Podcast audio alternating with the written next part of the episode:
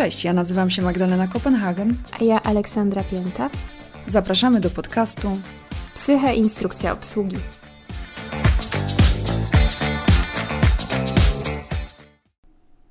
To koniec, chyba zwariuję. To moja wina. Co inni pomyślą? Czuję lęk, smutek, strach, ale też e, rozpacz, zwątpienie, bezsilność, ból. Chciałabym skończyć z tym, schować się. Nie wiem, czy to zaakceptować, czy to zwalczać, pogodzić się z tym. Nie wiem, co robić. Może powinnam poprosić o pomoc, podjąć ryzyko, porozmawiać. E, nie wiem, może ucieknę, będę walczyć. Tego typu myśli, uczucia, działania pojawiają się, gdy jesteśmy w kryzysie psychologicznym, psychicznym. Możemy się wtedy czuć jak w potrzasku, w sytuacji bez żadnego wyjścia. Zalękniony umysł nie widzi możliwości, widzi tylko problemy, wpada w chaos. Niestety kryzys psychiczny może dotknąć każdego z nas. Jeżeli chodzi o definicję, którą możemy znaleźć w fachowej literaturze, ludzie znajdują się w stanie kryzysu, gdy spotkają się z przeszkodą na drodze do ważnego celu życiowego. Przeszkodą, która przez jakiś czas jawi się jako niemożliwa do usunięcia za pomocą zwyczajowych metod rozwiązywania problemów. Następuje wówczas okres dezorientacji, załamania, w czasie którego podejmuje się wiele nieudanych wysiłków zmierzających do rozwiązania. Chcemy w tym odcinku porozmawiać o tym, co zdaje nam się być najtrudniejsze właściwie, jeżeli chodzi o zdrowie psychiczne, o ten dobrostan psychiczny i też o to, co sprawia nam wszystkim najwięcej problemu. Ja dostaję bardzo dużo pytań o to na Instagramie i myślę, że ty, Magda, tak samo.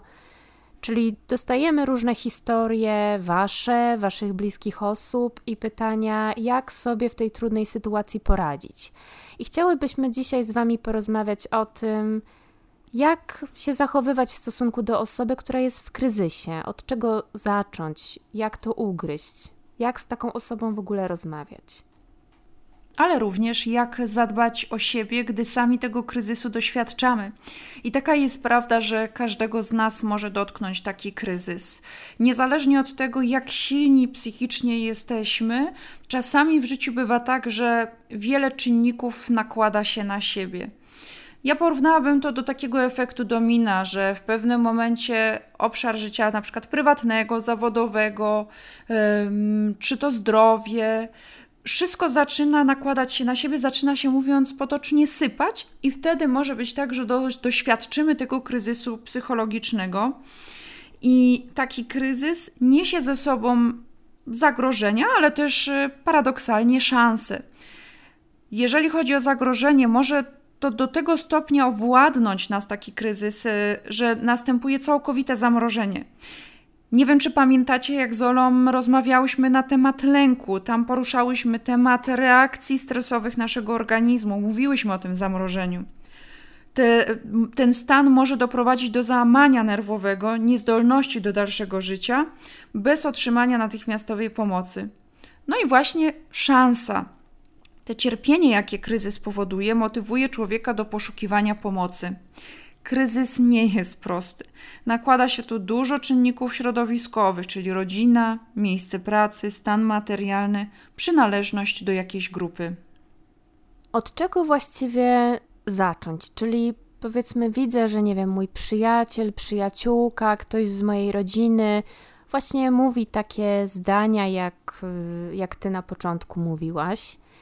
I wiesz, to są takie słowa, które myślę u każdego z nas, no, budzą tą niezgodę na to, tak? Bo to jest nasza bliska osoba i pojawia się takie od razu automatyczne myślenie, ale co ty mówisz? To nie jest prawda, przecież nie wiem, to nie jest tak, że twoje życie się skończyło, to nie jest tak, że jesteś nieudacznikiem, to nie jest tak, że jesteś w sytuacji bez wyjścia. I totalnie tracimy tą perspektywę właśnie osoby w kryzysie. I, i to, że ona no, ma takie myślenie bardzo tunelowe, nie? Że po prostu klapki na oczach i, i widzi tylko to, co wokół czego się tam zafiksowała. I teraz wydaje mi się, że ważne jest to, żeby podejść do tego trochę na chłodno i na spokojnie, żeby też nie wpadać w taką panikę, że jeżeli ktoś coś takiego mówi, to od razu go, wiesz, łapiemy za habety i ciągniemy do szpitala psychiatrycznego, bo to też może no, zniechęcić taką osobę w ogóle do proszenia o pomoc. Jasne, są sytuacje, w których to jest jedyne rozwiązanie, tak? Jeżeli ktoś na przykład, no nie wiem, jest w takiej sytuacji, że już stoi na moście i chce skakać, no to jasne, no to łapiemy tą osobę, dzwonimy po karetkę, no ale to w normalnych warunkach mamy szansę, żeby jakoś zanim zaproponujemy te specjalistyczne rozwiązania, żeby już jakoś wstępnie tą sytuację załagodzić.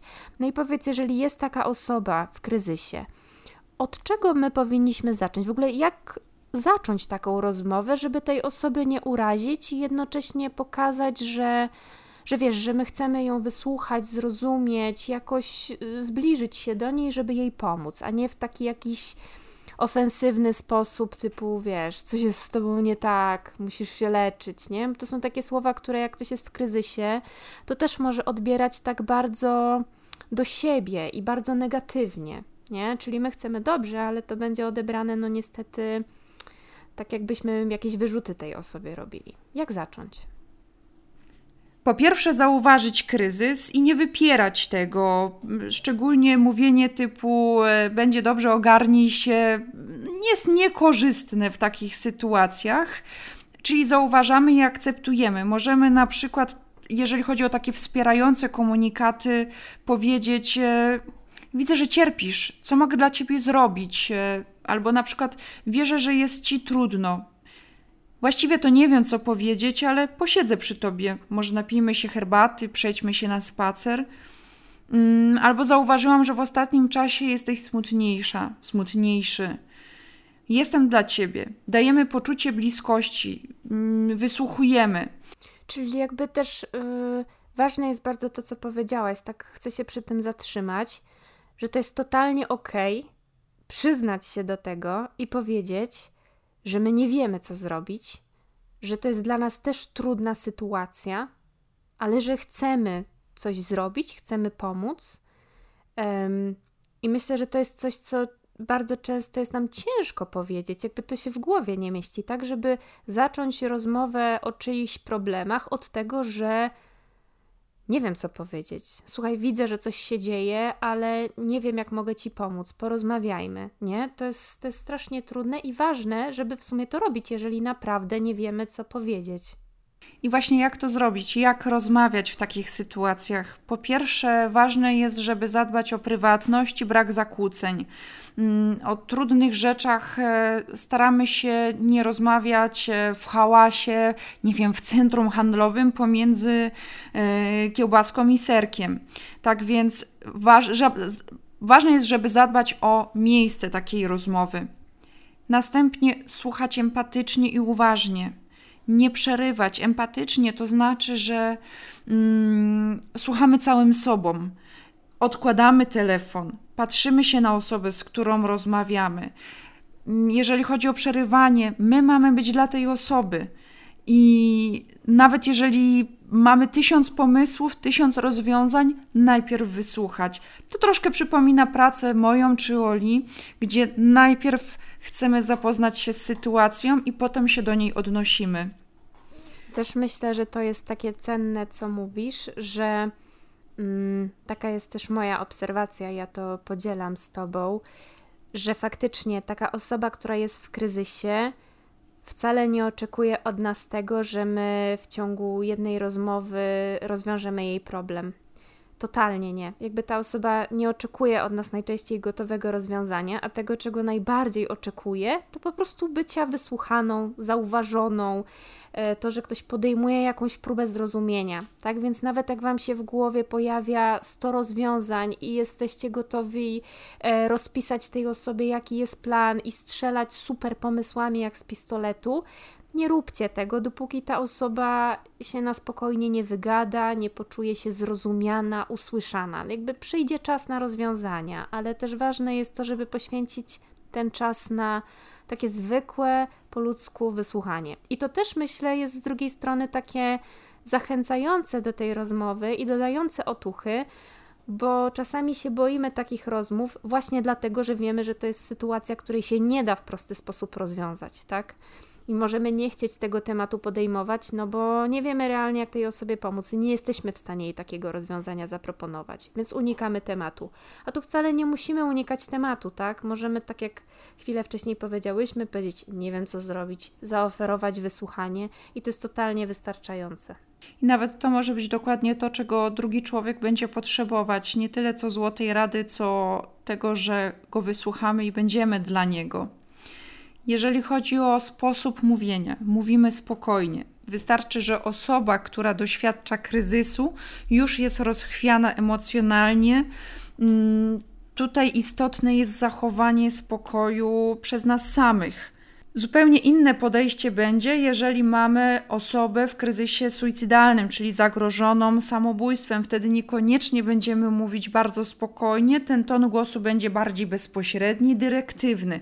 Tak więc też ważne jest adekwatne dostosowanie sposobu mówienia do sytuacji ale jakby nie było. Mów... Dyrektywny, czekaj, czekaj, dyrektywny, czyli taki bardziej nakazujący, mhm. nie? Taki, że coś nakazujemy, rozkazujemy, takie jasne instrukcje, jasne polecenia. Też nie każdy może. Masz, masz rację. Podam Wam przykład, to chociażby w sytuacji, gdzie nie ma kryzysu i rozmawiamy w trakcie terapii, powiem, czy zechciałaby Pani napić się wody, gdy mam kogoś w ostrym kryzysie, mm, to tak, tak jakby to przypomina polecenie, proszę napić się wody, odetchnąć głębiej. Tak więc to będzie taka będzie różnica pomiędzy komunikatami, pomiędzy sposobem mówienia. Ale tak jak mówię, jakby nie było, ważne jest, żebyśmy zachowali w każdej sytuacji spokój mm, i słuchali. Zadajemy takie proste, otwarte pytania. Nie oceniamy, nie komentujemy. Osoba, która jest w kryzysie, ostatnie czego potrzebuje to krytyki i powiedzenia na przykład: No, mogłaś wcześniej o tym pomyśleć. Albo, yy, no wiesz co, teraz to już za późno jest na, na rozpaczanie. Mm, nie jest to droga, którą yy, warto iść Tutaj staramy się. ten moment kryzysu nie jest takim e, momentem dawania nauczek. Nie? Nawet jeżeli faktycznie coś było do przewidzenia, nawet jeżeli rozmawialiśmy z tą osobą wcześniej na ten temat, ostrzegaliśmy ją, to ten moment kryzysu totalnie nie jest czasem na to, żeby właśnie mówić no, a nie mówiłam, no, to teraz masz za swoje, zapracowałaś sobie na to, to totalnie no nie, nie. Możemy wręcz pogłębić kryzys takiej osoby, ponieważ to, co osiągniemy, to poczucie winy i na pewno nie ulgę. I ostatnim, znaczy ostatnim z tych takich podstawowych elementów jest kontrolowanie swoich emocji, niepospieszanie osoby, z którą rozmawiamy. Czyli nie tylko nie dawanie złotych rad, ale spokojne wysłuchanie. Jeżeli już decydujemy się na pomoc takiej osobie, to ważne jest, żebyśmy też byli cierpliwi. No dobra, a ja też często dostaję takie pytania do każdej dolegliwości i do każdej sytuacji jak poradzić sobie samemu. Więc teraz kącik Zosi Samosi i fragment o tym, jak poradzić sobie z takim kryzysem samemu. Czy się da w ogóle samemu poradzić? Oczywiście. Jak to mawia się w naszej branży, mm, dobry ratownik to żywy ratownik. Dlatego zaczynamy od e, od siebie. Po pierwsze, unikamy prób kontrolowania swoich emocji za pomocą używek takich jak narkotyki, alkohol, jedzenie, sport lub e, praca, bo jest to ucieczka. I no, niestety ucieczka e, nie zawsze dobrze się kończy lub nigdy dobrze się kończy, bo może się zakończyć uzależnieniem. Po pierwsze, nie wypieramy tego, co się wydarzyło. Staramy się też unikać myśli powinienem to przeboleć, wziąć się w garść. Każdy, taka jest prawda, że każdy, każdy potrzebuje czasu, jedni więcej, jedni mniej. Nie śpieszymy się. I ważne jest, żeby poprosić o pomoc, pamiętać, że nie jesteśmy z tym sami, że są mm, instytucje, specjaliści, którzy są gotowi nam pomóc, czyli sięgamy po wsparcie profesjonalne, psychologa, interwenta kryzysowego, lekarza psychiatry. Mm, możemy też udać się do na przykład y, ośrodka interwencji kryzysowej, który znajduje się w każdym większym mieście. Tak, wystarczy, właśnie chciałam o tych ośrodkach interwencji kryzysowej wspomnieć, bo mało osób o nich wie, a w większości dużych miast i mm, w każdym województwie jakiś taki ośrodek interwencji kryzysowej jest.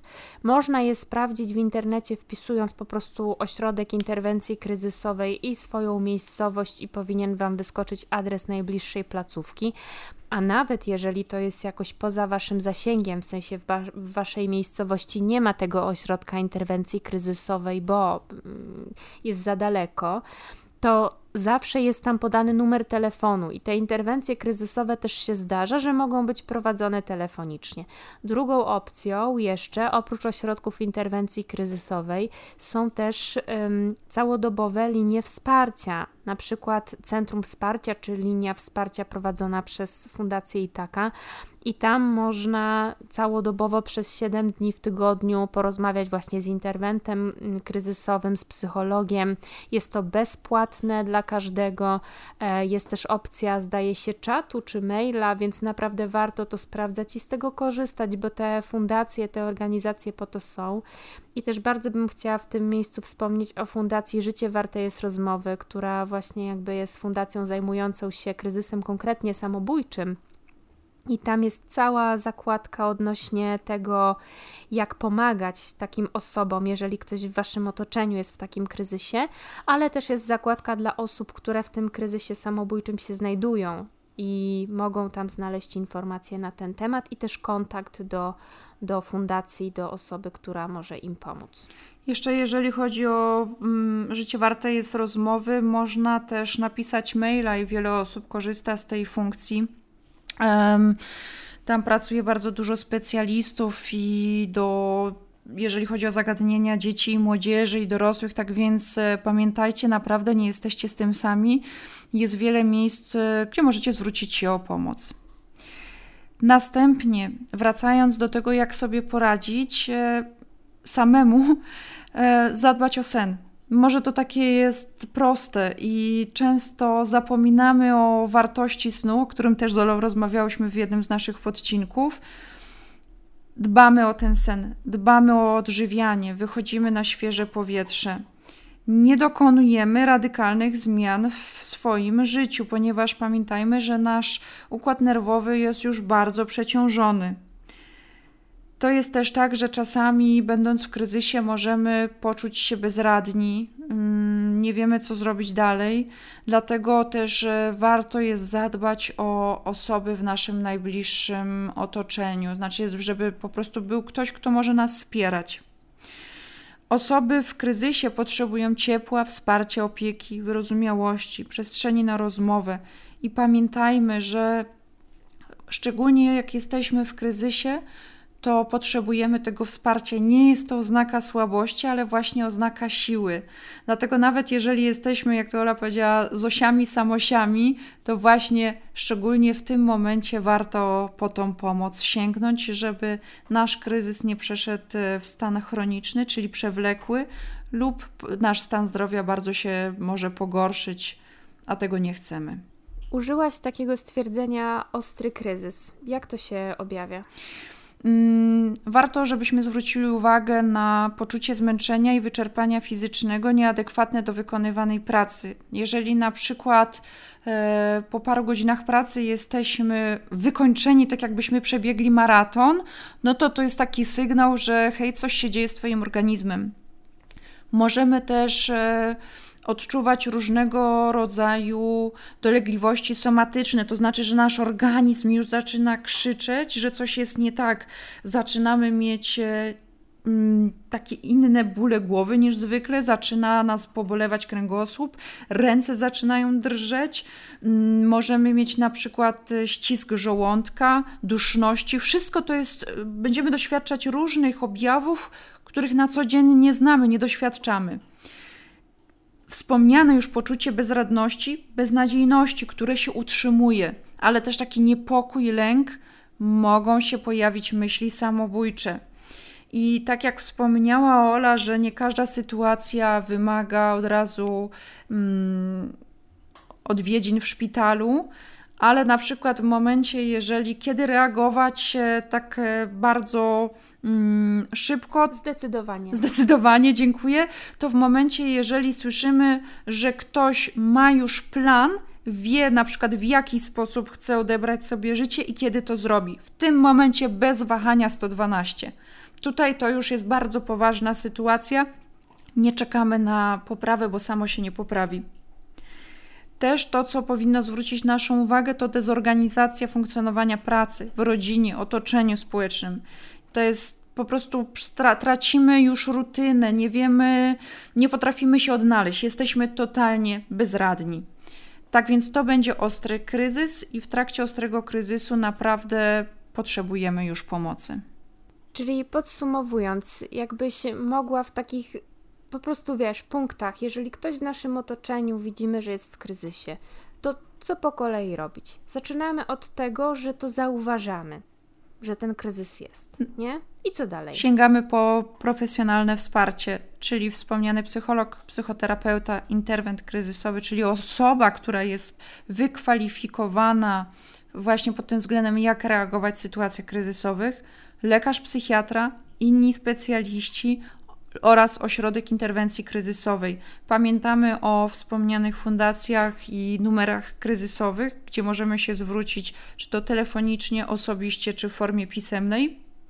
Dbamy o wsparcie społeczne. Planujemy kolejne etapy działania, bo to jest bardzo ważne, jak jesteśmy w kryzysie, żeby w ogóle um, zatrzymać się na chwilkę w, i zaplanować, co ja mam robić, gdzie ja jestem. Oraz e, zadbać o wsparcie w powrocie do równowagi sprzed sytuacji kryzysowej. To tak pokrótce, z tego względu, że mm, tak jak wspomniałaś, ten nasz zalękniony umysł nie widzi możliwości, i im bardziej zaczynamy dbać o ten spokój, to jesteśmy w stanie sobie poradzić nawet w najtrudniejszych sytuacjach. Jakby nie było, gdy nie wiemy, co zrobić, zwracamy się o pomoc do specjalisty. Dokładnie tak. Przypomnę tutaj w tym miejscu, że jeżeli chodzi o psychiatrę na NFZ, nie potrzebujecie skierowania, możecie się po prostu zgłosić do najbliższej poradni zdrowia psychicznego, Centrum Zdrowia Psychicznego mm, albo na izbę przyjęć szpitala psychiatrycznego, oczywiście już w jakichś bardzo, bardzo kryzysowych sytuacjach. Możecie też się zgłaszać na przykład do lekarza rodzinnego, do takiego lekarza pierwszego kontaktu, również na NFZ bezpłatnie i to są, myślę, takie opcje też, o których warto w tym miejscu przypomnieć. Oraz to, że mm, to, co powiedziałam praktycznie na samym początku, że każdy z nas może doświadczyć kryzysu niezależnie od płci, wykształcenia, wieku. Dlatego dbajmy o siebie. Dokładnie tak. Dzięki. Dziękujemy bardzo. Do usłyszenia.